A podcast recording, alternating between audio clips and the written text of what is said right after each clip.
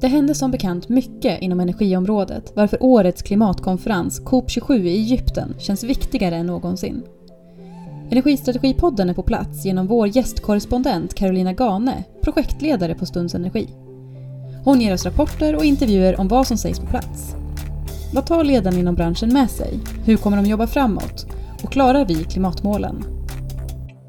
Över till Sharm el-Sheikh. Hej och välkomna till Egypten och Sharm el-Sheikh, semesterorten som nu under två veckor i november står värd för FN, Förenta Nationernas klimatkonferens, COP27. Jag heter Carolina Gane, till vardags projektledare på Stunds Energi, nu gästande reporter här på Energistrategipodden. Och på ett varmt torg mellan konferensbyggnaderna eh, sitter jag nu tillsammans med Lars Anders Bär från Luktamavas sameby. Jag och lyssnarna är nyfikna på hur är dina första intryck här på COP? Det är väldigt mycket folk och varmt och sen eh, talas det om viktiga frågor.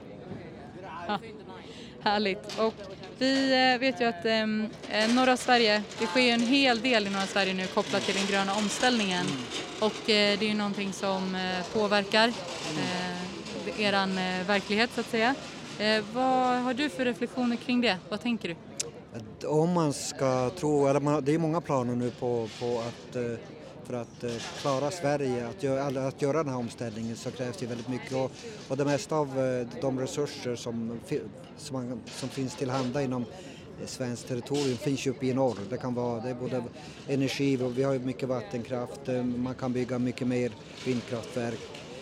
Dels finns det också de här nödvändiga mineralerna för att kunna fixa det här, att reducera Eh, utsläppen. Eh, och, och, nu har vi hört talas om de här, den här grönt stål och allt, det är ju jättemycket jätteinvesteringar i norr nu. Vi har batterifabriken i Skellefteå eh, för att klara omställningen. Det gäller transport och bilar och, och så att det, det, kommer att påverka det området rätt så mycket och det finns till och med studier som menar på att det skulle behövas 100 000 mer människor i, i norr för att ja, kunna liksom fixa det praktiska vad gäller inom industri och sånt där. Och, och det är en eh, stor utmaning idag. Vi, vi kan se upp i Kiruna, eh, gruvan där, vi har ju eh, man håller ju på att flytta en stad, detsamma gäller Gällivare för att utöka gruvverksamheten och, och, och det innebär ju att, att det behövs mycket människor för att kunna göra det här och, och det är svårt att vi, vi, I Sverige kan man inte, än så länge, man kan inte tvångsförflytta folk upp till norr utan det blir nog jätteomställning att klara det här. Det är klart, eh, nu är det väl, det är ju, det är en del lite vildsinta liksom, scenarios men jag tror det blir väl som vanligt lite lagom. Men hur det kommer att bli det är väl svårt att säga. Och det här kommer ju påverka eh, de här traditionella samiska eh, näringarna väldigt mycket eh, på olika sätt. Vi eh, pratade precis innan lite om eh, kobolt och att eh, det har hittats eh, koboltfyndigheter i norr som du berättade lite om.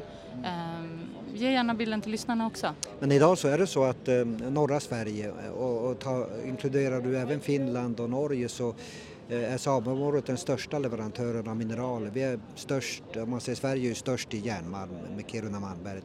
Vi är störst på koppar, det vill säga Boliden och vi är också störst på guld.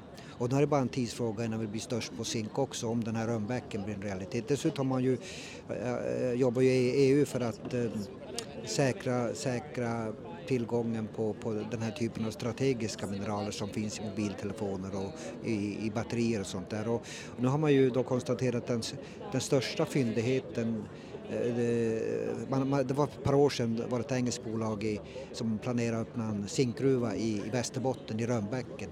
Och i, i samma fyndighet så är det en väldigt eh, hög andel kobolt och man betecknar just det här stället som eh, Europas största koboltfyndighet.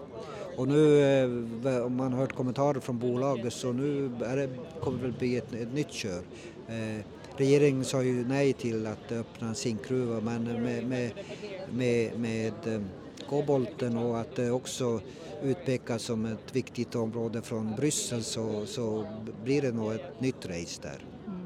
Vad ser du för möjligheter och utmaningar i det? Ja, det väl, om man ser från samiskt, ett problem är ju det, det som är liksom det stora överskuggande problemet, det är ju de här, de här rättighetsfrågorna. Det är ju, om man ser markerna ovan odlingsgränsen mot, norska, eller mot gränsen mot Norge, det är ju mark som, är, som förvaltas av staten och, och staten pratar ofta om att det är statens mark.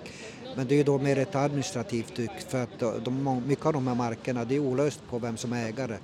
Eh, det är, mark som, det är mark där ingen har en lagfart. Staten har ju ett anspråk men det innebär ju inte att de är ägare. Och, och det har ju varit, eh, historiskt sett så har, har ju de här markerna i formell mening ägts av samer.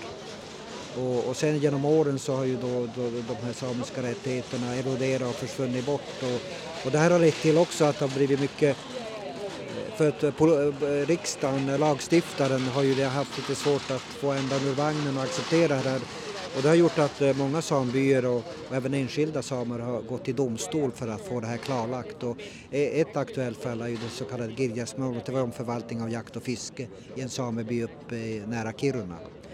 Och, och, och, så att det där gör ju också att hela den här rättsliga situationen gör det lite komplicerat. Eh, och, och i och för sig, sett från statens sida är ju det väldigt lätt idag att liksom ge tillstånd.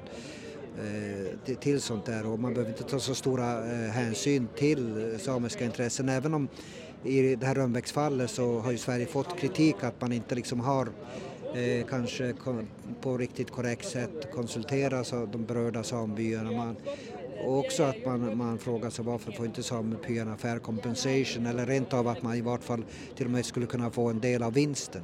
Mm. Men det är ju då mer en intern fråga och då finns ju även andra exempel i världen där urfolk finns. Där, där man har, ja, om man säger de här stora gruvländerna i världen, det är ju eh, där det finns urfolk, det är Kanada och Australien.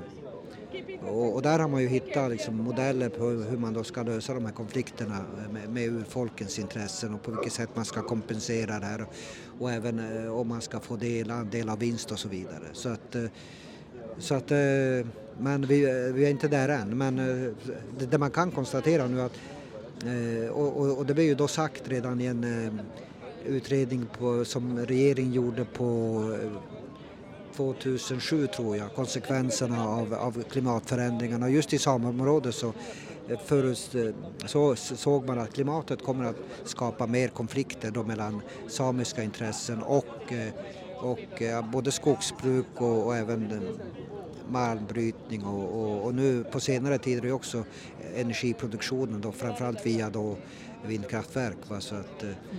så att, eh, och det är väl en eh, korrekt korrekt den observationen har väl då bekräftats mer, mer eller mindre och, och går vi in i den här nya fasen uppe i norr så, så, så kommer det bli en hel del, det är en jättekomplex fråga och, och hur man då ska komma överens.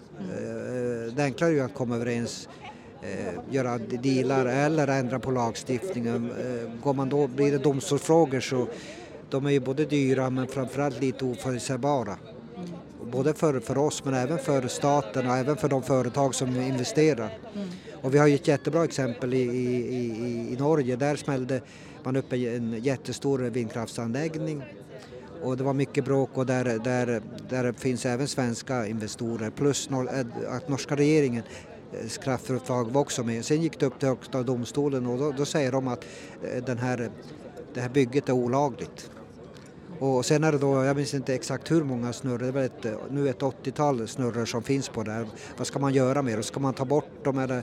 Ja, för de är, de är, de är inte byggd på laga grund. Mm. Och nu är det en mm, stor diskussion i Norge hur man då ska hantera det här. Ser du att det finns eh, möjligheter för eh, samebyar att eh, det ska bli en positiv ändring och sen så ja, ett, ett ansvar för den gröna omställningen. Hur, hur, ser du på den? Ja, det är ju ett dilemma. Ser man historiskt sett så har ju man från samisk sida tagit väldigt stort ansvar för både för gruvproduktion, eh, de här, alla de här gruvorna finns, stora gruvorna, Europas största gruvor finns i vårt område och även energiproduktionen. Eh, de flesta av de här älvarna i norr bland annat Luleälven, den, är ju då, och den ägs ju då av staten så på det sättet har vi väl liksom, eh, redan tagit stort ansvar för väl, välfärdsbygget Sverige och, och det är väl också från vår sida, vi väntar väl lite, liksom, lite return back. Och då får man ju se här om, om vi kan lyckas och göra det under den här gröna, gröna omställningen att man är eh, dels en del i processen att, eh, att det blir liksom en öppen, eh, en fair process och, och kanske också att man får något, att även vi får någon slags nytta av de resurser som man då exploaterar och den mark man tar i anspråk. Och antingen del i vinsten eller, eller, eller så. så att, eh, hittills har ju eh, de här eh, gruvorna och vattenkraften eh, sett från samisk synpunkt, vi har inte fått så mycket, så ta någon stor del av det här. Är det någonting som du ser att, ja om man är ett vindkraftbolag, ett svenskt vindkraftbolag eller solkraft, eller ja, att man är intresserad av metaller därifrån. Är det någonting som man skulle kunna göra bättre? Jo, man hade kunnat göra det bättre och det finns ju, tar vi då Kanada och även USA är ju ett bra exempel, där, där är det ju ett helt annat upplägg. Där, där, där pratar liksom de här de som, är då, som då äger marken, ja, man får förhandla fram upplägg som, som funkar bra för, för, för, för dem och funkar bra för företaget och att det funkar för staten. Och det finns ju också, jag hade något, eh, något bekant uppe i Northwest Territories, alltså norra Kanada. Och, och det, de är 4 000 personer och det är alldeles nyligen som de har blivit liksom en del av det här moderna samhället och, och, och sen äger de, eh, sen är de landets, eh, en av landets största markägare och deras territorium är lika stort som Sverige.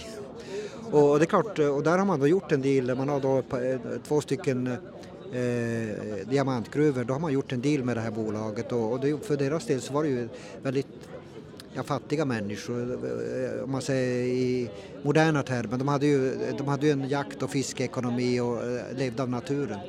Och nu med, med, med den här dealen med, med diamantgruvorna har vi kunnat bygga upp både skolor, sjukvård och skapa ett system så att man på ett bättre sätt kan hantera de här delarna och då man har fått en del av vinsterna. Alltså, så att, och det, det, det är ju ett extremexempel förvisso men det finns ju även andra exempel här på, på Eh, och eh, här under eh, COP nu, är det några röster som du har hört som har fastnat för dig i de här frågorna? Ja, det väl, jag, jag var ju lite nervös beroende på att det är ju stökigt i världen nu. Ja, efter coviden, vi har ekonomisk recession, där ekonomin går ryckigt, vi har ett krig i, krig i Ukraina så att det, är riktigt skakigt i systemet och jag är lite rädd att just den skakigheten, geopolitiska oron också kan eh, lägga lite hinder i vägen för att, att nödvändiga sta, steg tas för att göra den här omställningen. Vi kan ju se bara Sverige nu, vi har en ny regering och de har ju dragit ner på sina, sina miljöambitioner så att det är inget gott tecken när, när till och med de nordiska länderna börjar liksom sega lite i de här frågorna. Eh, om du fick drömma, hur, eh, hur och vad skulle vi ha gjort till eh, nästa års COP? Ja, det är väl eh, det, jag, jag, jag, vågar inte ens drömma men det är klart eh, det viktiga här är ju att det inte blir något jävla stopp på hela processen utan att jag antar väl att man kommer att komma fram så att man tar ett litet steg men problemet är ju att eh, eh, tar man ett litet steg nu så, så blir de steg som man är tvungen att ta om ett antal år mycket, mycket större. Va? Så att eh, det här är en eh, race mot klockan. Och, och, och fixar man inte det här så, så, så blir det tuffa tag. Och om man ser för, våra, för många urfolk uppe i Arktis så tar det de här inuiterna, man kan väl säga att, eh, rent, att eh, deras framtid smälter under, under deras fötter, isen smälter och det är ju på samma sätt i de här Eh, för de här traditionella ekonomierna, för renskötseln. Eh, renskötseln kommer gå en rätt så tuff eh, framtid till mötes. Därför är ju, om man säger, Finland har ju nyligen antagit en ny klimatlag och där som är på något sätt lite mer innovativ än den svenska. Till och med har man då skapat ett, ett speciell eh, samisk eh, klimatkommitté som då ska ja, jobba med för att hur, på man, hur ska de här traditionella näringarna och sameområdet klaras sig ur och, och vara med i den gröna omställningen. Och ett sådant exempel finns inte på svensk sida. Då blir man ju delaktiga i den här processen och det är ju då även det här med hur man ska klara eh, energiproduktion, eh, mineraler och he hela upplägget som behövs. Mm. Så att eh, jag tycker Sverige borde liksom upprätta en, en sån här samisk eh, miljökommitté eller klimatkommitté så att vi, kan, så att vi är med i den processen. Mm.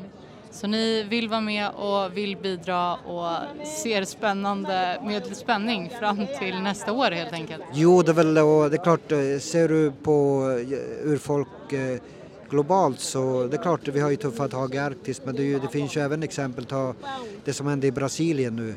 Många urfolk ligger ju väldigt dåligt till mm. eh, beroende på Ja, nu, nu, nu blev ju ett bättre val. I, i, vi fick ju bort Bolsonaro i, i Brasilien och nu är ju de här Lula tillbaka. Så att, eh, men, men eh, i ett globalt perspektiv så även om eh, det, vi kommer att drabbas väldigt hårt så är det ju inte mycket lättare mycket tuffare för många urfolk. Pacific, de är ju, det är bara en tidsfråga när de blir klimatflyktingar. Vi har situationen i, som i Bangladesh, landet eroderar och sen, ja, så att det i det, det perspektivet så ligger ju ändå samerna rätt så hyfsat till. Det, det är inte fråga om liv eller död utan det, det är fråga om ja, eh, mer lättare frågor.